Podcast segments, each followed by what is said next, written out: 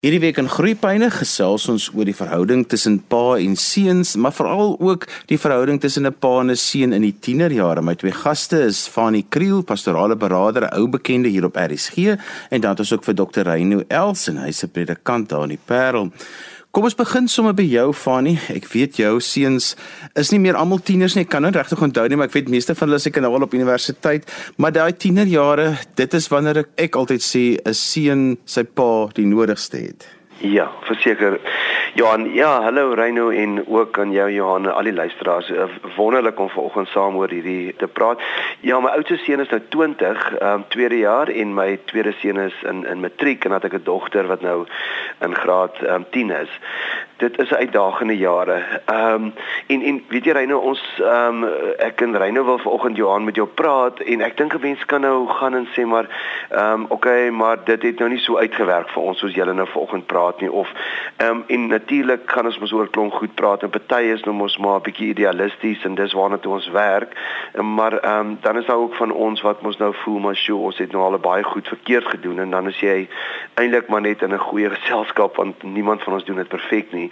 Ek ek dink net daar's altyd soos iemand gesê there's always a point of return. Daar's daar's altyd 'n punt van van omskakel, maar ek wil net ehm, 'n uh, laaste ding sê Johan, die afgelope kom ons sê jaar en 'n half, 2 jaar, ehm um, sien ek ongelooflik baie en dan spesifiek graad 11 seuns uh, dit lyk vir my ek sien baie graad ehm um, 10 en 9 dogters maar baie graad 11 seuns. Dit dit lyk vir my dit is die jaar waarin ehm um, 'n mens bietjie vashak met jou seun kan so 'n bietjie voor of na die tyd wees. Ehm um, maar dis daar's baie uitdagende tye met hulle, maar ehm um, dit ons ons ek dink ons gaan by 'n paar antwoorde volgende uitkom en dit is so baie lekker om daaroor te gesels. Reino, want jy werk elke dag in jou gemeente met paas en seuns. Ja, goeiemôre julle. Dit is baie lekker om saam met julle te kuier. Ja, Johan, ehm um, ek is ek is wat die jack of all trades in die parels. Ek doen so 'n bietjie van alles. Ehm um, ek ek moet ook sê ek het self nie kinders nie, so ek werk gereeld met met hierdie groepering. Ek dink hier enigiets van 14 tot 19, selfs met 20, soos jy gesê het, uitdagende tyd. Ek dink vir enige ouer hierso van 15 af is veral die die invloed van die vriendekring wat 'n groot rol speel. Ehm um, verhoudings maak saak, emosionele intelligensie, leierskapontwikkeling. So al hierdie goedjies tussen daai ouderdomme uh, speel 'n reuse impak en jy as pa, as vaderfiguur moet hierdie kind help deur hierdie tye navigeer as hy deur hierdie verskillende fases dan nou beweeg in sy in sy jong lewe. Jy weet, en hulle sit met moeilike besluitneming. Ehm um, jy weet wat wat wat gaan jy gaan studeer? Kom ek in vir die universiteit? Jy weet, ek het nie ingekom nie. Hierdie COVID ding en en wat dit doen op die sport en waar hierdie kinders dink hulle identiteit en gesete is uh, het 'n reuse impak en en ag dit is net 'n heeltemal 'n drukkoker wat afspeel eintlik vir die hele gesin. Hmm. Jy weet so baie uitdagings. Ja, en ek ek wil aansluit by Reyno ook. Johan, ons moet onthou, ek sê altyd ehm um, kinders word identiteit word in drie fases gevorm. Ehm um, die eerste fase van 2 tot 12 jaar oud en dan word die identiteit van die kind baie sterk gesetel in die ouers, in die ouerhuis en wat doen ma en pa en dit is my voldoende. En dan die derde identiteitsvorm is van 18 tot omtrent 26 waar ek my eie identiteit vorm en wie ek is.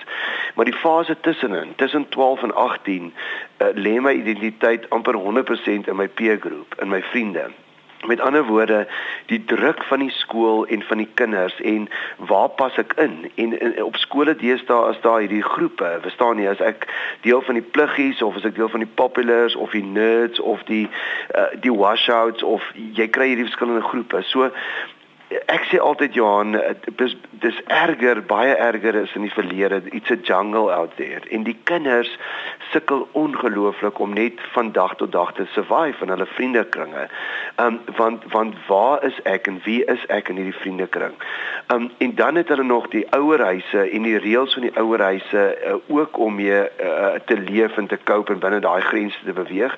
En dan soos Reyno reg gesê het, uh, word daar voortdurend gevra maar wat is my toekoms? Waarheen is ek op pad?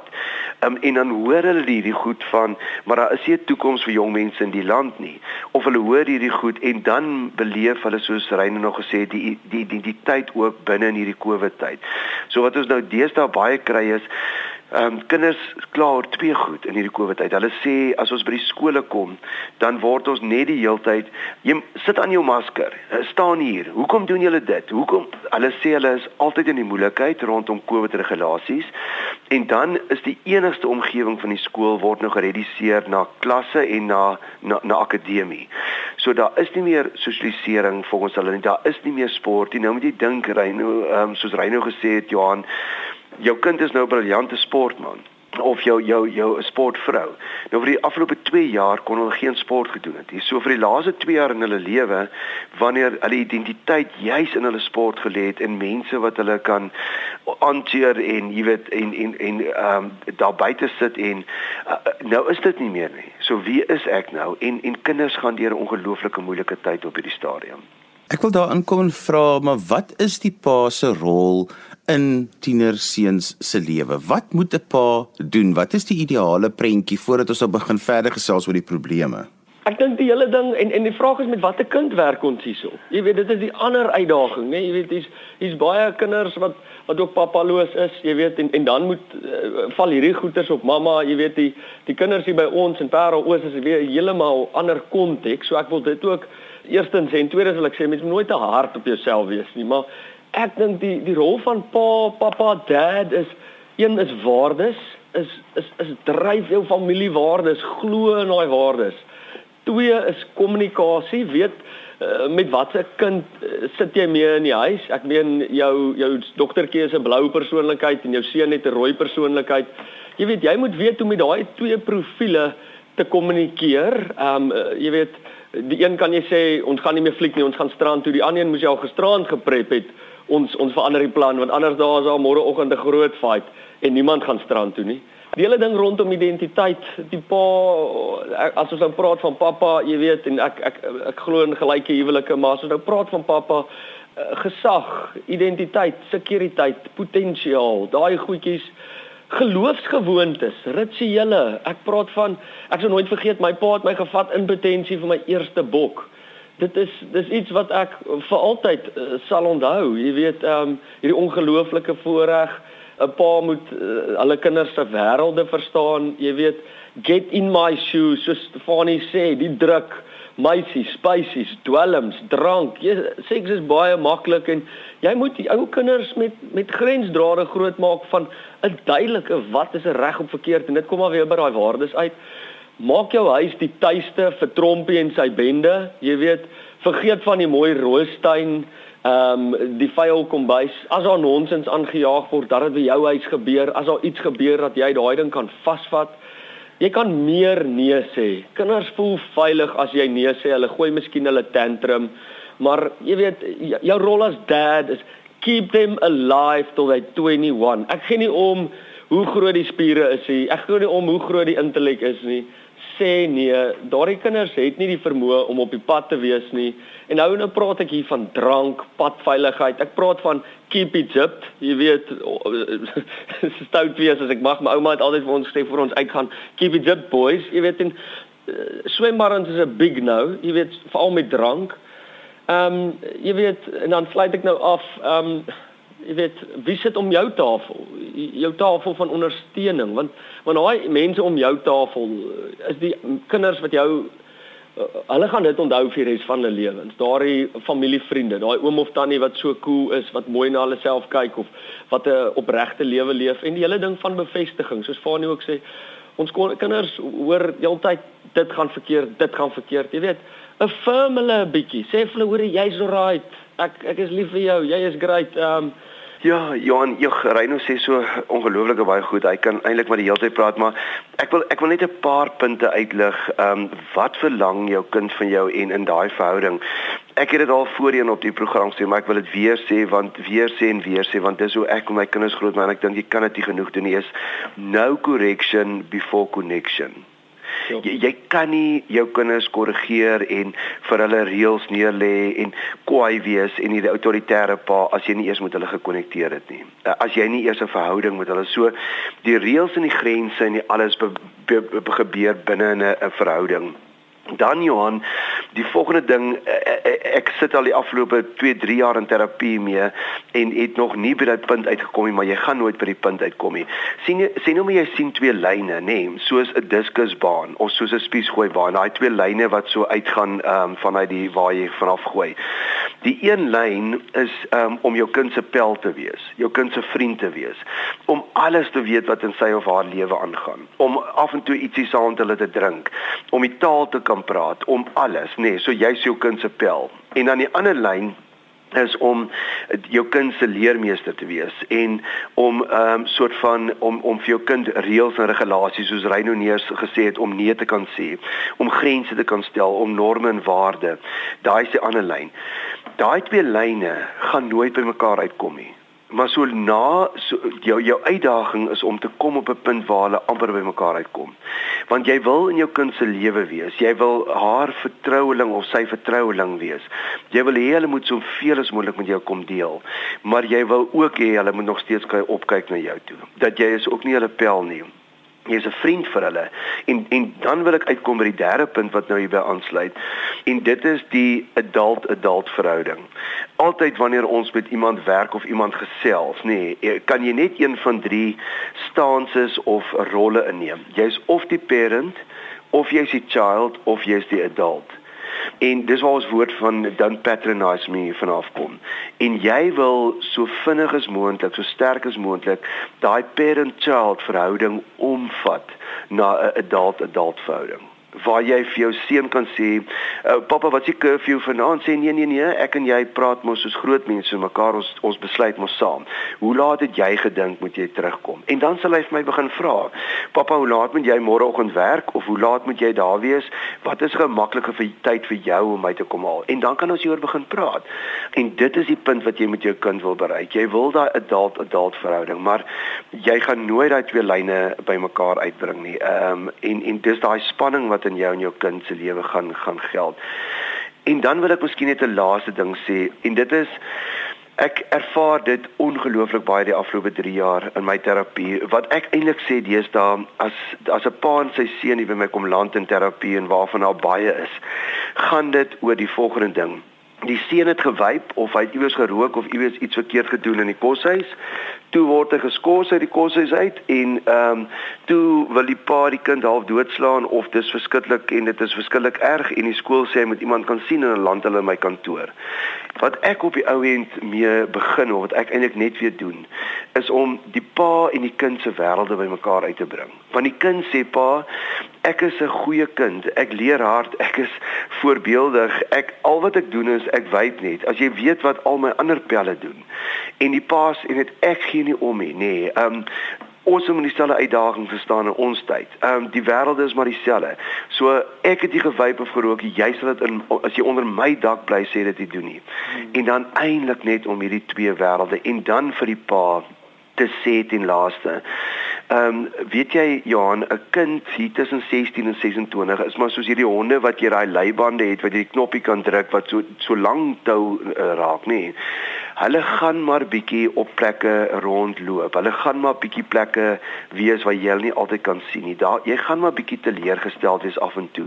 Dis nie die einde van die wêreld nie. Die kind, die hond gaan terugkom na die halsband waar hy vas is. Die kind soos soos ehm uh, um, Reino te reg gesê het, as jou kind in 'n huis van norme en waardes en rituele groot geraak het, gaan daai kind weer terugkom na die karakter en die grootword jare waarmee hom groot gemaak het. Ons wil net nie in hierdie tyd wil ons net nie permanente skade hê nie, soos wat Reino gesê het. En wat is permanente skade? Ek sê daar's gewoonlik 3, 4 goed. Ons wil net nie ons dogter moet op skool swanger raak nie, want dit het mos nou ongelooflike ander implikasies vir haar en die huis. Ons wil net nie jou kind moet in swart welms verslaaf raak nie want dit het weer implikasies vir jou kind. Ons wil nie jou kind moet dronk in 'n kar of in saam met mense wat daar wat, wat dronk is met ander woorde jou kind kan doodgaan of ons wil nie jou kind moet moet die gereg word in hierdie tyd nie want dit kan dit dit is 'n klad op sy naam vir die res van sy lewe. Maar daar is 'n paar goedjies wat jy wat gaan terugkom na jou toe, maar weet jy, dis oukei. Okay. Dis nie die einde van die wêreld nie. Moenie jou verhouding met jou kind is die heel belangrikste. Wanneer jy met hierdie goed te doen kry, wanneer jy aankom wanneer jou die spietkop jou kind gevang het en jy kom ry aan op die toneel, hanteer jou kind met respek. Dit gaan oor die liefde en die respek vir jou kind. Al die ander goed is tydelik. 'n Mens moenie moenie laat dit vir jou so ontstel dat jy 'n groot baai rondom die goed maak nie. Ek wil terugkom na iets wat vir my baie belangrik is en dit is hoe maak ek my seun groot dat hy voel hy's goed genoeg. Ek praat so baie met jong mans en met ouer mans en sê hulle altyd dit hulle gevoel of hulle nooit goed genoeg vir hulle pa was nie want hulle het voortdurend nooit goed reg goed reg gedoen nie. Hulle het altyd net kritiek gekry. Johan, ek dink die een groot ding wat ek hier sê, as jou kind na jou toe kom aanstap of hulle op die laerskool of die hoërskool is, het jy twee maniere om na jou kind te kyk. Jou kind is of ehm, 'n um, subjek van bewondering, um, of jou kind is 'n subjek van opvoeding. Jy gaan en een van daai twee maniere hoe jy na jou kind kyk. Nou ons bewonder almal ons kinders as hulle in jou ma in die ma se arms lê en hulle besig is om om te te drink of as 'n klein babietjie nê. En dan as hierdie tieners kom met uitdagings na jou toe, dan bewonder jy hulle nie meer nie. Dan gaan jy oor na amper die opvoedingsdeel toe. En die belangrike ding is is hier waar hy nou ingekom het waar hy, hy gesê het en hy kan verder uitbrei as jy nou hierdie sê nou maar Meyer se brieks doen of verskillende van hierdie goed dan kry jy mos nou van die rooi mense en die groen mense en geel. Jy moet net weet dat sommige as pa is jy byvoorbeeld 'n baie sterk vinker. En by jou gaan dit oor jy sien net die 20% raak wat nog nie werk nie. Maar jy jy jy sien nie 80% waar jou kind goed doen en reg is. Maar dis mos nou in die, in die sakkie. Jy gaan mos nou nie daar praat nie want jy sien gewoonlik jy's krities, net die 20% wat nie raak wat, wat nie werk nie. So wat jy doen is jy fokus die hele tyd daarop. Um en jou jou kind het het dit Eh, konstante uh, behoefte aan erkenning en kry te min daarvan. So jou kind voel gedurig hulle is nie goed genoeg nie. En dan wil ek net 'n laaste ding sê. Johan, as ons daai ding uit ons stelsel of koppe kan uitkry dat ons seun of ons uh, is soos ek of my vrou of soos 'n mengsel van ons twee. Nee, nee, nee. Jou seun is 'n unieke individu. En en dit wat vir hulle saak maak, dit wat vir hulle belangrik is, hulle sal hulle self dryf soontoe. Wat vir jou belangrik is, is om soos Reinog sê, in hulle spasie te wees, onvoorwaardelike aanvaarding om die verhouding so sterk as moontlik te maak, om rituele tussen jou en jou seun in te werk en om daar te wees vir jou seun. Jou seun sal self ontwikkel in die goed wat vir hulle belangrik is in die lewe. Uitstekend. Ek ek beamoen alles wat Fani sê. Ehm um, Johan, iets wat vir my so so kosbaar is is die en hier dis nou maar seker die die doopbak ehm um, van ons gemeente. En en ek sê vir jou jy kan vir jouself baie tyd en moeite spaar as jy self en jou kinders in 'n omgewing grootmaak in Lukas 3 vers 22 wat net sê jy is my geliefde seun jy is my geliefde dogter oor jou verheug ek my. En dink aan die kompeterende mark soos uh, die Parel, ehm um, absoluut kompetisie gedurende is die baie ouers wat die onvolwasse ding doen wat hulle drome deur hulle kinders uitleef op die tennisbaan, op die verhoog, um, op die sportveld.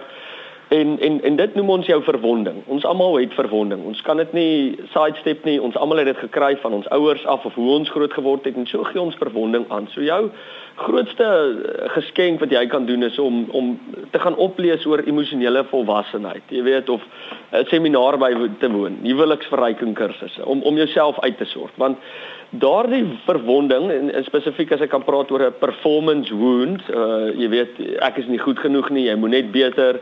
Dit is uh, van die B van die C-span na die B-span om by die A-span uit te kom in in matriek dit is dit is dit is belaglik. Jy weet jy, jy lewe 'n ding deur jou kind wat soveel skade maak as hulle 25 plus is want dan raak hulle hierdie klein ek wil amper sê duiweltjies in die werksplek, in die huwelike hulle hulle of of hulle val heeltemal dan nou aan na die ander kant toe en sê net enigiets gaan en alles is oukei okay, en alles is rustig en mooi.